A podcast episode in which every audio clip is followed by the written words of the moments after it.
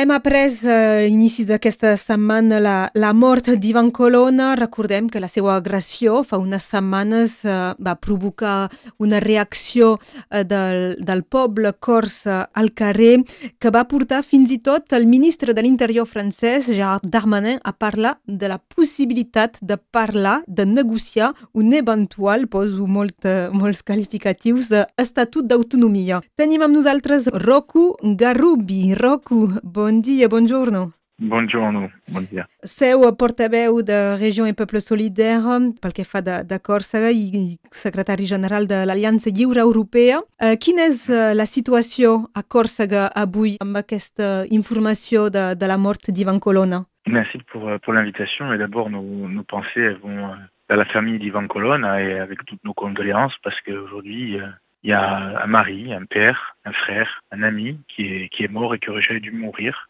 euh, dans des conditions euh, atroces, après trois semaines de souffrance, euh, dans un état difficile. Donc c'est d'abord à lui que vont nos pensées. Il a été finalement victime d'un assassinat, pas dire autre chose en prison alors qu'il était particulièrement surveillé. Il avait le statut de détenu particulièrement surveillé, c'est-à-dire qu'on lui interdisait d'être approché de sa famille en Corse parce qu'il était considéré comme dangereux alors que la justice, l'administration judiciaire considérait qu'il n'était pas dangereux et qu'on pouvait lever son statut, mais politiquement, le ministère euh, de la, ministre de la Justice, puis le Premier ministre avait considéré qu'il fallait garder ce statut pour des raisons politiques, mais il n'était pas suffisamment surveillé pour être protégé en prison. Donc si on avait appliqué le droit, euh, Ivan Colonna serait toujours vivant aujourd'hui. Et euh, nous sommes dans une situation dramatique, d'abord pour lui évidemment, pour sa famille, mais même euh, en Corse, parce que ça démontre qu'il y avait véritablement une volonté de vengeance d'État et euh, des prisonniers politiques parce qu'ils étaient en prison là où ils étaient emprisonnés pour des raisons politiques. Era la presó d'Arles, aquesta agressió, hi ha hagut uh, vídeos que, que s'han esborrat. Enteneu la reacció del, del poble cors de, de manifestar-se contra aquesta situació? Évidemment, on comprend la colère et on comprend euh, euh, la réaction du peuple corse euh, Il faut savoir qu'en 2014, le FLNC lui-même a décidé de déposer les armes, qu'en 2015, les nationalistes ont obtenu la majorité, certes relative, à l'Assemblée de Corse pour la première fois, puis une majorité absolue en 2017, majorité absolue qui a été encore plus écrasante euh, en 2021, où cette fois-ci les autonomistes seuls euh, de à gauche ont la majorité absolue à l'Assemblée de Corse, c'est-à-dire qu'aujourd'hui quasiment 70% des Corses votent pour une liste nationaliste, et jamais l'État n'a ouvert le moindre dialogue il a fallu, euh, c'est triste et dramatique à dire, dramatique parce qu'il y a eu la mort d'un homme, mais dramatique aussi parce que ça montre l'état profond de l'État français. Il a fallu un drame pour que l'État réagisse et comprenne qu'il devait ouvrir un dialogue politique parce que les solutions, les problèmes politiques se résolvent avec des solutions politiques, avec un dialogue politique. Això és, és dolent per la democràcia. Es veu, evidentment, ara no parlarem del cas català, però de veure que d'ençà del 2015 hi havia victòries electorals, hi havia demandes polítiques oficials per part dels diferents uh, partits uh, nacionalistes corses i és ben bé 10 dies de, de manifestacions i d'algunes violències al carrer que, que s'avança i que la, la paraula estatut d'autonomia és, és llançada. Il y a deux choses. La violence, la première violence, c'est celle d'avoir laissé mourir un homme en prison alors qu'il n'aurait pas dû l'être. Si on avait appliqué le droit, la première violence, elle est là aujourd'hui. Bien sûr, on ne peut pas euh, soutenir et, valider la violence qui s'exprime ailleurs, mais il faut comprendre que c'était une réaction contre contre euh, une injustice parce que c'était une injustice et Yvan Colonna n'était pas le seul. Il y a aussi les deux autres condamnés, Alain Ferrand et Pierre Alessandre, qui euh, doivent être rapprochés. Il y a des discussions en cours pour qu'ils soient rapprochés avant cet été, mais ce n'est que l'application du droit. Donc cette violence, elle vient, d'abord de l'État. Ensuite, sur la question du dialogue sur l'autonomie avec, avec l'État français, on peut que se réjouir qu'il y ait un dialogue qui s'ouvre. Mais d'une part, on peut se poser la question pourquoi il a fallu un drame pour en arriver là. Deuxièmement, on peut se poser la question du timing. Euh, nous sommes désormais en campagne électorale définitive. L'État ne peut plus parler, ne peut plus s'engager. D'ailleurs, euh, le ministre de l'Intérieur est venu 48 heures avant son droit de, son devoir de réserve.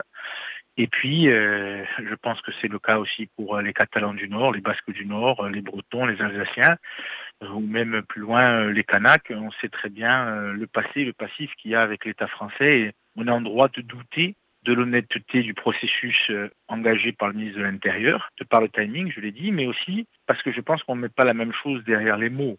L'autonomie, c'est un sens clair, c'est le droit de voter ses propres lois. C'est même la définition euh, étymologique. Auto, soi-même, nomos, la loi. Or, on est en train de nous parler du statut de la Polynésie. C'est mieux que le statut actuel en Corse, c'est certain, la Polynésie n'est pas autonome, parce qu'elle ne vote pas des lois, même si ça s'appelle loi de pays, ce sont des, des textes à force réglementaire. Il y a eu un vote en Corse très majoritaire pour l'autonomie, et donc il faut que ça soit une discussion autour de l'autonomie, c'est-à-dire un transfert législatif, du pouvoir législatif. Avui, uh, políticament, què espereu de l'estat francès? D'abord, on, on, attend de l'État français qu'il tienne euh, sa parole. Il est venu euh, en Corse avec le ministre de l'Intérieur qui a dit qu'il engageait la parole du président candidat. Euh, on ne sait pas si le président candidat sera réélu, mais euh, il doit y avoir une continuité de l'État. Hein. En 2002, euh, les négociations avaient commencé sous Lionel Jospin, elles avaient continué avec le malheureux référendum de 2003 euh, avec Nicolas Sarkozy, ministère de l'Intérieur, mais il doit y avoir une continuité de l'État. Donc le président candidat réélu ou non, le dialogue doit être ouvert, mais il doit être ouvert sur les bases revendiquées par la démocratie on ne peut pas euh, commencer les discussions parce que l'État français ne voudrait pas ceci ou ne voudrait pas cela. La base de discussion, ça doit être ce qui a été voté, adopté à trois reprises par les Corses, c'est-à-dire un statut d'autonomie, de plein exercice, de plein droit, une reconnaissance du peuple corse et une solution politique, notamment sur les prisonniers politiques, avec un rapprochement rapide et une libération rapide aussi. I més enllà de Còrsega, eh, ja que seu portaveu de Regió i Poble Solidaire, hi ha hagut una, una llista, un llistat de mesures que des del partit demaneu als diferents candidats a, a, la, a la presidencial. Alors les partis politiques en Corse euh, n'ont pas pris de position en tout cas les partis euh, nationalistes membres de la Fédération Région Peuple Solidaire, que ce soit FEMO Agursiga ou le parti Ludiana Agursa, il y a eu des membres euh, ont donné leur signature pour une candidature à la présidentielle, mais donner sa signature, ce n'est pas soutenir une candidature, c'est différent. Mais il est certain que on a, on était un peu déçus des propositions euh, pas forcément suffisantes de la part des candidats, même s'il y a des candidats qui proposent des choses plus évoluées que d'autres. Si on tient compte de l'évolution notable du candidat Mélenchon sur la Corse avec une proposition d'article 74 qui correspond plus ou moins à ce que la Corse demande, mais toujours un conservatisme très fort sur la question de la langue ou sur d'autres territoires. Il y a les ouvertures de discussion avec euh, Yannick Jadot euh, et le mouvement écologiste avec qui nous avons des liens depuis très longtemps, qui propose lui une autonomie de plein exercice et de plein droit. puis il y a d'autres candidatures qui sont traditionnellement, historiquement proches du mouvement nationaliste corse, que ce soit euh, M. Poutou ou Jean Lassalle. Donc il y a des, candidatures, mais les mouvements politiques en Corse n'ont pas pris, euh, n'ont pas décidé de soutenir une candidature particulière, et la Fédération Région Peuple Sudaire n'a pas pris de position pour un candidat, même s'il y avait des proximités euh, fortes avec euh, la candidature écologiste. Es demana més mesures eh, per, a favor de, eh, de, evidentment de, de les llengües del seu ensenyament i, i també de, de mesures eh, més locals de cada poble. Avui volíem parlar, perquè era, era important recordar Ivan Colonna, que, que ha mort aquest dilluns a, a l'hospital després d'haver estat um, agredit, matat a, a la presó d'Arles. Eh, ho hem fet en companyia de Roku Garobi, recordo portaveu de Regió i Poble Solidaire, secretari general de l'Aliança lliure europea. Uh, Roku, uh, gràcies i adiu. Vi ringrazio e a presto.